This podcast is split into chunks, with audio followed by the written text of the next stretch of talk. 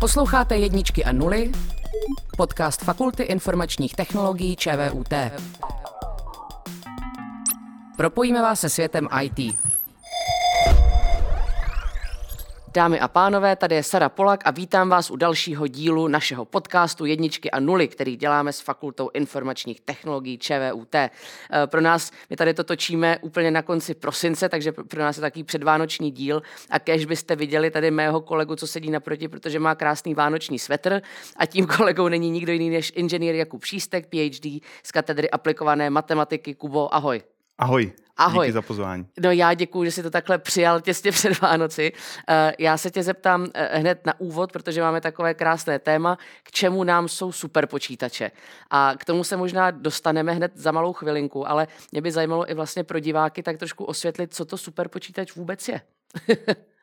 tak, to je eh, otázka, není úplně jednoduchá, ale pokusím se to jako jednoduše vysvětlit. V podstatě jsou to počítače, které dneska vypadají tak, že jsou na, jsou to jako ty nejrychlejší počítače. Jo. Když se to dá do Wikipedie, tak jsou to nejrychlejší počítače eh, z hlediska, co, co jsme schopní upočítat. No a vypadají dneska tak, že jsou to soubory relativně běžných počítačů, jednotlivých, eh, ale vezmou se jich, řekněme, tisíce. Říká se jim v tomhle kontextu nějaké výpočetní uzly, a takový úzel je v podstatě takový počítač, možná bez harddisku, ale je v něm procesor, někdy dva nebo i víc. A v dnešní době je taky každý ten výpočetní úzel plný grafických karet. Jako jsou v něm třeba čtyři grafické karty. No a to, co dělá superpočítač superpočítačem, je to, že tyhle úzly jsou propojený pomocí důmyslné komunikační sítě, takže můžou spolupracovat na nějaké jedné velké úloze a rychle si vyměňovat data. Tak, takhle nějak. To je superpočítač. Jsou takové černé velké skříně plné těchto výpočetních uzlů takže si to nemusím představit jako uh, nějaký lepší, uh, já nevím, laptop například naleštěný, ale je to spíš decentralizovaná výpočetní síla, která nám umožňuje rychleji dělat výpočty? Já bych s tou decentralizací byl opatrný, to, to už je taková ta uh, grid computing a takhle řekněme. Uh, tady to je spíš na, jako na jednom místě. Superpočítače jsou někde instalované, prostě je to, uh, jak říkám, černé skříně, plné těchto výpočetních uzlů, ty, ty reky a je to nějaký výpočetní sál, Eh, a eh, tak je centralizovaná, ale je takzvaně distribuovaná paměť, takže každý ten eh, výpočetní úzel má svůj procesor, má svůj paměť, to jsem neřekl, má svoje paměti, takže v tom směru je decentralizovaná, ale oni umějí rychle spolupracovat. Eh, toto odlišuje třeba od toho grid computingu, nebo tak, kdy se jako jenom rozdělí data, chvíli se někde chroustají a pak se mhm. vrátí výsledky. Eh, ten superpočítač se používá na úlohy, kdy oni si jako každou chvíli musí ty data rychle vyměňovat a, a ten jeden nemůže pokračovat bez výsledků toho vedlejšího třeba. A teď se zeptám eh, na takovou eh, filistínskou otázku, k čemu nám to je? Je to vlastně proto, aby jsme mohli například rychleji trénovat algoritmy, aby jsme se nedostali opět do zimy umělé inteligence, kde sice teoreticky výpočty máme, ale nemá to na čem běžet? Nebo vlastně k čemu se superpočítače využívají? Tak využití superpočítačů, to se někdy opomíná jako zmiňovat, k čemu, čemu že vlastně jsou. Eh, Eh, já se zabývám hlavně takovými vědeckými výpočty. Eh, superpočítače se využívají pro nejrůznější věci, využívají se firmama, využívají se pro, eh, v menším měřítku pro každodenní návrh produktů. Já mám třeba blízko k technickým simulacím a takovým inženýrským simulacím. Ty se dneska používají každodenně ve firmách, ale zase to nevyužívá úplně ty největší superpočítače. Řekl bych, ty největší superpočítače se využívají spíš k vědeckým výpočtům, a jsou to nějaké unikátní simulace napříč oborama. Je spousta aplikací ve fyzice, simulace nějakého vývoje vesmíru, gravitační působení těles. Využívají se hodně ve výpočetní chemii, třeba eh, na navrhování nových molekul, zkouší se prostě počítat eh, jako energetická optimum energie a jaký konfigurace molekul. Dneska se to zmiňuje jako navrhování léků, hledají se nový jako kandidátní molekuly, které by mohly fungovat. Na tohle všechno je třeba velmi výkonný počítače mít. Eh, používají se jak říkáš, umělý inteligenci pro trénování modelů. Dneska staví velký superpočítače, třeba společnost NVIDIA, která na nich trénuje jako obrovský modely, který pak poskytuje ty natrénované sítě eh, jako dál. Používají se pro ty technické výpočty. třeba simulace proudění. Já mám docela blízko k simulaci nějakým proudění, nějaký mm. turbulentní proudění, když chcete detailně vědět proudění okolo vlaků, letadel, tak na to se taky používají hodně výkonné počítače. Uh-huh. A teď teďka mě zajímá vlastně, co způsobilo vůbec jako jejich vývoj. Jestli to bylo vlastně ten hlad potom mít e, rychlejší jako, jako výpočetní kapacitu a vlastně vůbec tu kapacitu na to mít, nebo jestli to bylo třeba i nějaký ego v tom, že super počítače jsou fajn, je to hezký je mít a vlastně se zrychluje e, ten, ten výpočetní výkon, aniž bychom vlastně věděli, k čemu to budeme využívat, jak jsme se bavili před podcastem. Tak jaká je ta historie super počítačů? Já bych řekl, že jako uh, z obojího trochu. Samozřejmě oni mají jako spoustu eh, využití, umožňují nám prostě vylepšovat modely a eh, je to určitá konkurenční výhoda, když prostě někde zvládnou tu superpočítačovou technologii a jsou schopní spočítat prostě jemnější modely, lepší předpověď toho chování, nějakého eh, počasí, řekněme, nebo, nebo nějakého produktu, nebo letadla. Jo. A Eh, tak je to tak od každého trochu. My to samozřejmě umíme využít, ale málo se o tom mluví a často se to schrne na to, že je to konkurenční výhoda a politici to musí podporovat a chceme stavět rychlejší počítače. Takže eh,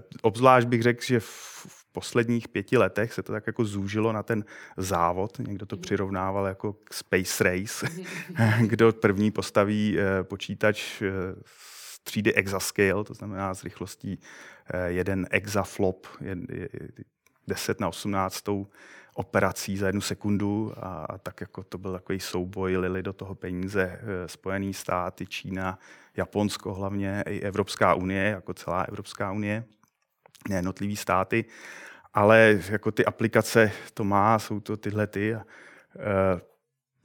Nám se samozřejmě, čím výkonnější počítače, tím zase rychle na, vždycky najede spousta aplikací, které ho je využijou, když se takový počítač postaví. A o tom už se tolik nemluví.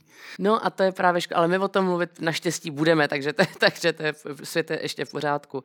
Ale ještě trošku zůstanu od toho eh, závodu vlastně o super počítače. To, že lidstvo se rádo předhání v technologických inovacích, to je eh, i jako historická záležitost, to už máme eh, kolem sebe několik tisíc let.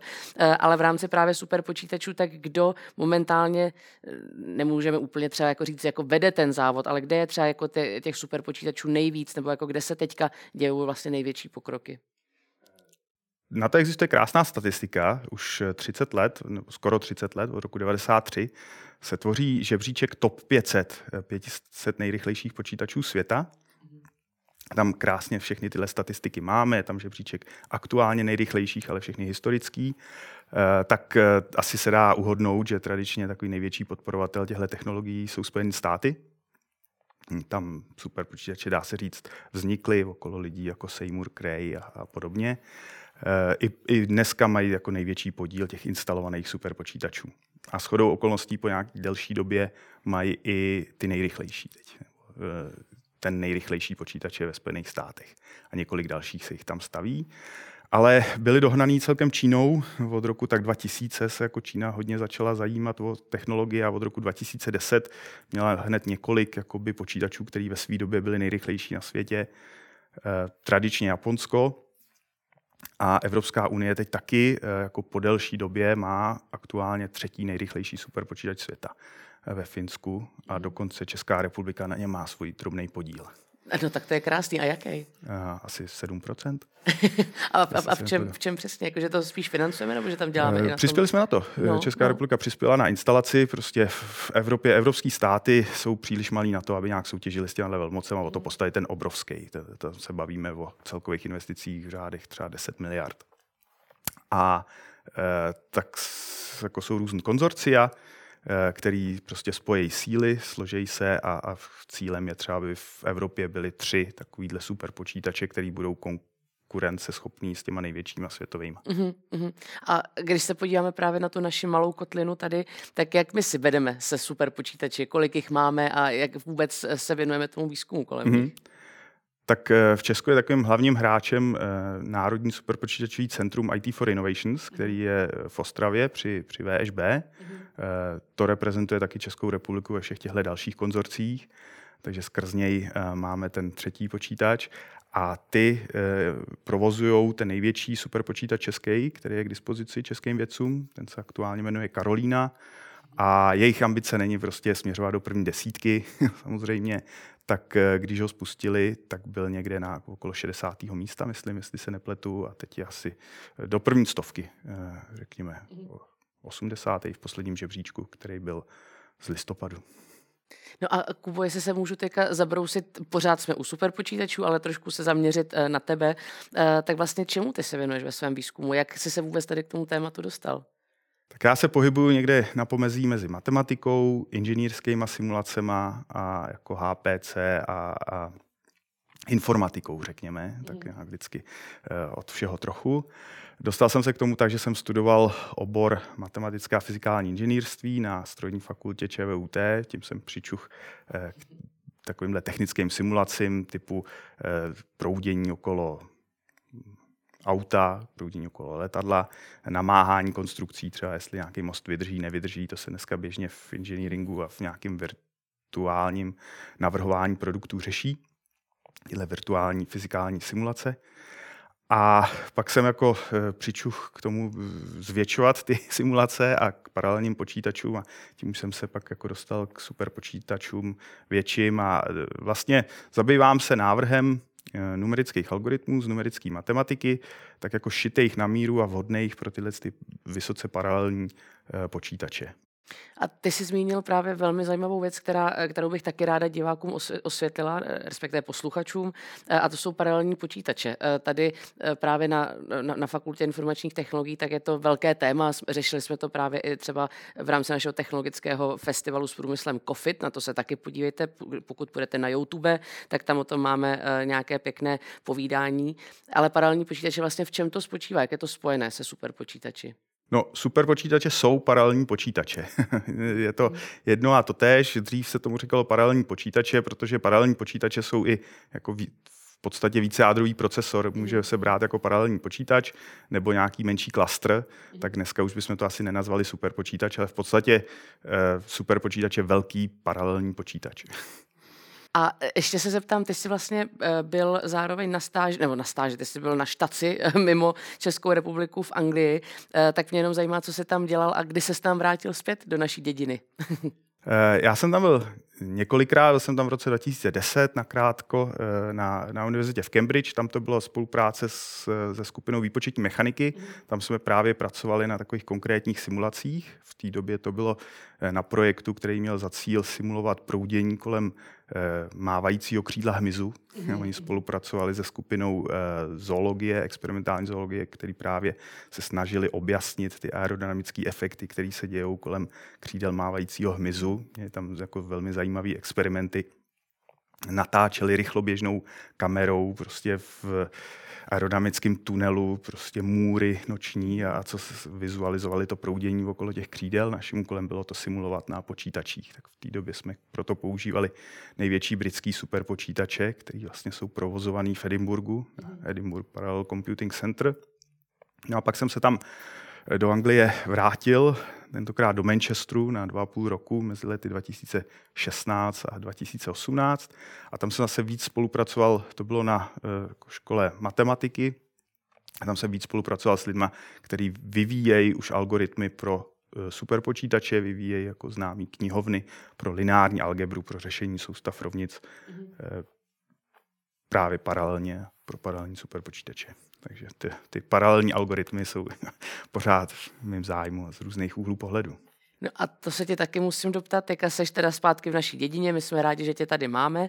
A e, čemu se chceš věnovat třeba do budoucna? Máš jako nějakou, e, nějaký sen vědecký, kterýmu by se chtěl věnovat, nebo někam třeba jako teďka směřuje jako tvoje bádání?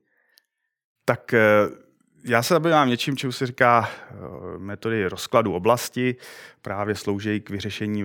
Z řady těchto simulací, co je jim společný, je, že často vedou na řešení soustavy mnoha rovnic o mnoha neznámých. Bavíme se dneska o desítkách milionů až miliardách rovnic o stejném počtu neznámých, který z těchto simulací nějak vypadnou a je třeba je řešit. Tak to jsou v podstatě ty algoritmy, který, eh, kterými my se zabýváme, eh, aby to šlo co nejlépe a, a takzvaně škálovatelně, to znamená, aby se jako nestrácela optimalita, když budeme přidávat ty paralelní eh, věci.